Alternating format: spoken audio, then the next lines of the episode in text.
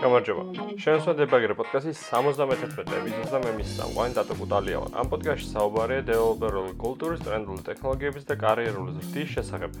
ეს არის მცირე სერია ამ პოდკასტებიდან, სადაც საუბარი გვექნება სხვადასხვა საფეხურზე დეველოპმენტ კარიერაში, როგორც არის ეს ინტერნი, სტაჟიორი, ჯუნიორ დეველოპერი, მიდლი, სენიორი, რა არის მათი მოვალეობები, საჭიროებები, როგორ შეიძლება კომპანიაში მათი ძალა გამოვიყენოთ და ზოგადად რა მოლოდინები არის მათ მათ და მი.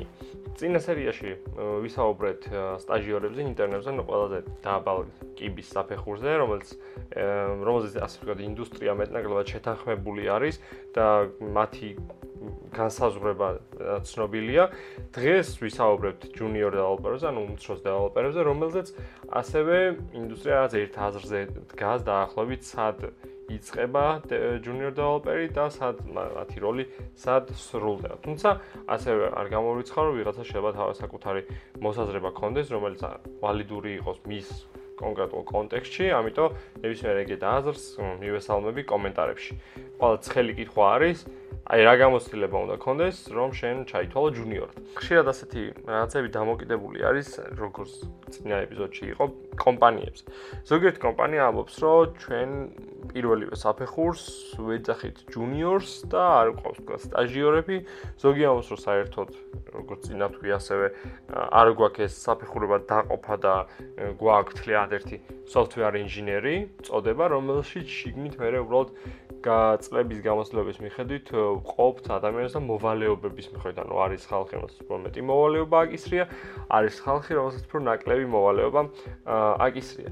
ხო, მოკლედ დაუბრუნდეთ ახლა სათავეში, დაახლოებით ან ჩემს მთლიან პრაქტიკაში, კარიერაში, რაც ყოფილა და ვაკვირდები ასევე სხვაგანაც, ჯუნიორები უფრო სწორია, რომ ჩავთვალოთ რამოდენიმე თვიანი გამოსაცდელი ვადას აი სტაჟიორები როცა მორჩებიან, მაშინ მართად 3, 4, 5 თვის მერე, როდესაც უკვე პირველად შემოდგამენ ეს ადამიანები ფეხს ორგანიზაციაში, ანუ კომპანიაში, აი მაგის მე გაცილებით პატარა კომპანიები რომლებიც არიან, სადაც ძალიან შინაურული კულტურა არის, შეიძლება ეს პერიოდი უფრო მცირე იყოს, განს უფრო აქტიურად არიან ბევრ პროდუქტთან და დეველოპერებთან ჩართული ეს ჯუნიორები და ძალიან დიდი სტრუქტურის შესწავლა არ უწევთ, მალე ერთვებიან სამუშაო პროცესებში. თუმცა ნუ სტანდარტულად ავიღოთ, მოდი 4 თვე. და ამ დროს უკვე ჩვენმა კადრმა იცის ეს ორგანიზაციული სტრუქტურა, შეუძლია ასევე ამოცანებზე დამოუკიდებლად გამკლავება, ან მინიმუმ შეუძლია რომ აი საკითხის მოკვლევა დაიწყოს და თუ რაღაცაზე ისეც გაიჭე და იცის ვის მიაკითხოს კონსტრუქციული კითხვებით. იცის როგორ მოიძიოს, ანუ საიდან შეუტიოს აი ამ ყველაფერს გრძნობს და ჭირდება კომპეტენციური დახმარება, სადაც ის ანუ თავის კომპეტენცია არ ყოფნის, რომ ამ შედეგს მიაღწიოს. long term-ში ახლა მეორე მხრიდან რო შევხედოთ long term-ში ძალიან დიდი ძალა, მნიშვნელოვანი ძალა არის ჯუნიორები კომპანიისთვის და რეალურად კარგი ინვესტიცია არის, თუმცა არ უნდა დაგვავიწყდეს, რომ ეს არის ერთწლიანი, შეიძლება წლინახევრიანი ინვესტიცია, როდესაც აი ეს ჯუნიორები დაღვინდებიან და რეალურად კარგი გამწეძალა იქნება კომპანიაში. თუმცა ამასთან ერთად შეგუებული უნდა ვიყოთ იმასაც, რომ ძალიან ბევრი შეიძლება მოვიდეს, წავიდეს ადრეულ ეტაპზევე, იმიტომ რომ ამ ეტაპზე ადამიანს ახასიათებთ ხშირად რომ სხვა სხვა ტექნოლოგიებს იცვლიან, აინტერესებს სხვა სხვა პროექტები და შეიძლება ნუ სხვა ორგანიზაციაში ან კომპანიაში დაინახოს საინტერესო ისეთი პროექტი, რაც შეიძლება აქ მათ არ აქვთ. ამ პირიქით აქ ვერ დაინახეს კარგად, რაც ასევე ვთვლი, რომ ორგანიზაციის ბრალი იქნება თუ ვერ დაანახეს თავიანთი ღირებულები კარგად, მაგრამ ნუ უნდა შევეჩვენოთ, რომ ძალიან ბევრი მოდის, ბევრი ძმიდის. შემოგასწავლე იმიტომ წავიდნენ, რომ უბრალოდ აი ამ ტემპში ვერ გაკაჩეს. რაც არ უნდა იყოს, აი გარის, რომ ჯუნიორები მოდიან, მიდიან, ინვესტიცია რომელსაც მაშინვე რამოდენიმე თვეში ვერ მიიღებ შედეგად, თუმცა ისო დამოკიდებულია იმაზე, რამდენად ძლიერი გუნდი ხვდება ამ ჯუნიორებს ორგანიზაციაში. როდესაც მარტივ ონბორდინგს გაივლიან, უფრო მალე ჩართვებიან პროექტებში, უფრო მალე გაითავისებიან ორგანიზაციულ კულტურას და ეს მთლიანი return of investment-ი, რაც ჩადებულია, უფრო მალე დაბრუნდება. იმიტომ რომ შეიძლება მალე გაზრდა ჯუნიორებს. მოდი ახლა აღნიშნოთ ისიც, რომ ყველა ჯუნიორი ჯუნიორი არ არის. რას გულისხმობ ამაში? ვერ გაუტოლებთ ჯუნიორებს, რომლებიც აი ეხლა ხან დაამთავრეს საკუთარი სტაჟირება და ეხლა ხან ჩაჯდნენ სრულ შტატში და ეხლა ხან მიიღეს ეს დავალებები, იმათ ვინც 8 თვე ან 1 წელია უკვე ამას აკეთებენ, ხო? ანუ ამათ შორის არის განსხვავება და მოდი ასე დავყოთ, რომ აი ახალ გამწვანებული ჯუნიორები, რომლებიც რეალურად ეხლა დაიწყეს თავიანთი პროფი რეალური პროფესიული ცხოვრება და ისეთი ჯუნიორები, რომლებიც უკვე მართლა ლომივით ყარად განან ფეხზე და მზად არიან რომ უფრო დიდი პასუხისგებლობები აიღონ და აი ახალ საფეხურს შეეჭიდონ თავიანთ კარიერაში. ამ ორ შორის ძალიან დიდი განსხვავებაა. დროითი განსხვავება დიდი არ არის, მაგრამ გააჩნია ისევ რა გარემოში და კონტექსტში იქნებიან. ამ ორივე ფრთას, ასე ვთქვათ, თავისი მახასიათებლები მაინც შეგვიძლია რომ ვუპოვოთ, აი სოსო დამწყებები შეიძლება დავყოთ რომ არიან რაღაცა რეზულტატზე ორიენტირებულ ძალიან მალე უნდა ყველაფერი მიიღონ და თუ რაღაცა შემაფერხებელი პირობა შეიქმნა, რაღაცა ფიჩერი არ არის ბოლომდე დასრულებული, რაღაცა ვერაკეთებენ, მარტო თავიდან უჭირთ ამ პრობლემასთან შერკინება, გადაწყვეტა, იმიტომ რომ არიციან ამ პრობლემას როგორ მოერგონ და არიციან ესეთ რაღაცა ზოგადად თლიან სისტემაში როგორ იჭრება.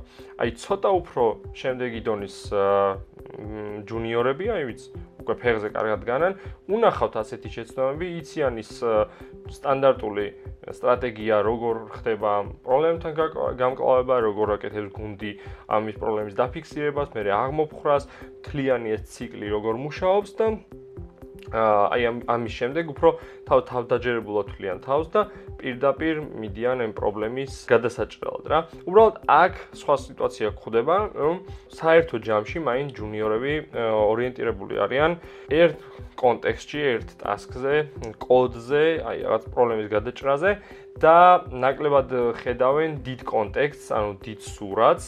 პროექტის თუნდაც გუნდური პროცესების და ასე შემდეგ, რაც ბუნებრივია აბსოლუტურად, სწორედ ამიტომ არის ხალხი ვისაც მეტი მოვალეობებია გუნდში, ვიღაცას ნაკლები უბრალოდ ეს არის ასე ვთქვათ მათი თამდევი და ამიტომ ზედმეტი წონა ხშირად უფროსმა დეველოპერებმა და ზოგადად გუნდის უფროსმა წევრებმა არ უნდა აკიდონ დამწყებ დეველოპერებს.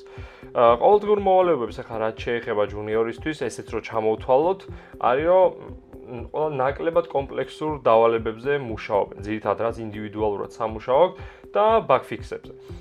მოდი ბაგფიქსებს ცოტა მერე დაუბრუნდეთ, თქვათ რატომ ნაკლებად კომპლექსურია. შეიძლება ვიღაცამ თქვას, რომ პირიქით მივისეთ სრული დავალება, რომ ისწავლონ და ასე შემდეგ. ეს ნაწილი არის ცოტა უფრო შესაძლებელი, რადგან feature development-ი, როდესაც ხდება, რაღაც დიდი მიცემა junior-თვის საკმაოდ საკმაოდ რთულია თუ მას არ ყავს ვინმე სუპერვაიზორი, ასე ვთქვათ, უფროსი დეველოპერი, რომელიც მას შეუმოწმებს და სწორ მიმართულებას, მითითებას მისცემს. ამიტომ ძირითადად ჯუნიორები მუშაობენ ხოლმე ისეთ ნაწილებზე, დავალებებზე, რომელსაც არ აქვს ძალიან დიდი გავლენა აპლიკაციაზე, ან აუცილებლად უნდა დაუწყვილდეს გამოცდილ ადამიანს, რომ იმუშაოს დიდ დავალებაზე. მარტო დიდ დავალებაზე თუ მუშაობს, რა თქმა უნდა არის რაღაცა კომპანიები სადაც აი ესეთ რაღაცებზე ხდება მუშაობა და მე კი ვიცით, თქვათ, ინჟინრული კუთხით როგორი გავლენა აქვს ხოლმე ამას პროექტებზე. თუმცა ასეთები ხდება და მთლიან ჩვენი ინდუსტრიაც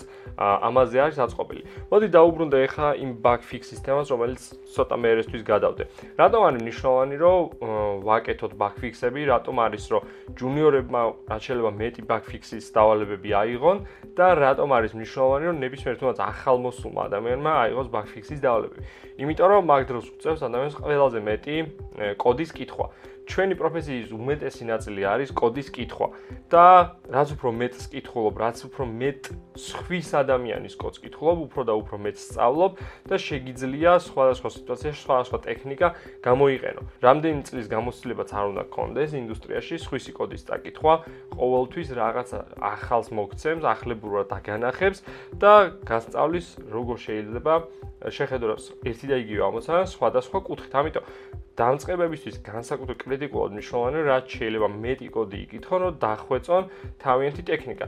თუ სხვის კოდს არ წაიკითხავენ, მუდმივად იმ მდგომარეობაში იქნებიან, რომ თავის კოდს უყურებენ და იმ ნაწილს რა ეტაპზე თვითონ არიან და იმის იქით მეტს ვერ დაინახავენ. ამიტომ bug fixing-ი ძალიან კარგი გზა არის ამის აღმოსაფხრელად. როგორც ვთქვი, ძირითადად დამოუკიდებლად მუშაობენ ჯუნიორები, უკვე შეუძლიათ ეგ, მაგრამ მუდმივი დაკვირვება ჭირდებათ და ყველაზე მეტად ჭირდებათ ამ მომენტში მენტორობა, რომ თავიანთი უნარჩვევები და სკილ ეს სკილები, რაც ქვია, ტექნიკური სკილები პლუს soft skill-ები დახვეწონ და წინ წაწიონ. გუნჩი მუშაობის დროს, რა თქმა უნდა, ჯუნიორები, რომელიც გუნჩი არიან, 100%-ით ფოკუსირებულები უნდა იყვნენ, რომ აიღონ რაც შეიძლება მეტი ცოდნა გუნდიდან და რაც შეიძლება მეტი გამოცდილება ყოველი დღის დავალებებიდან, გუნდური შეხვედრებიდან და ასე შემდეგ. აა მოკლედ, დღესთვის სულ ეს იყო.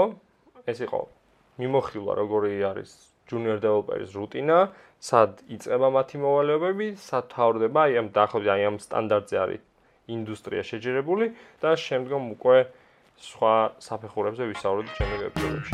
თუ რაიმე გამორჩა, კომენტარებში დაამატეთ აუცილებლად, მომავალ შეხვედრაზე. მადლობა. Thank you.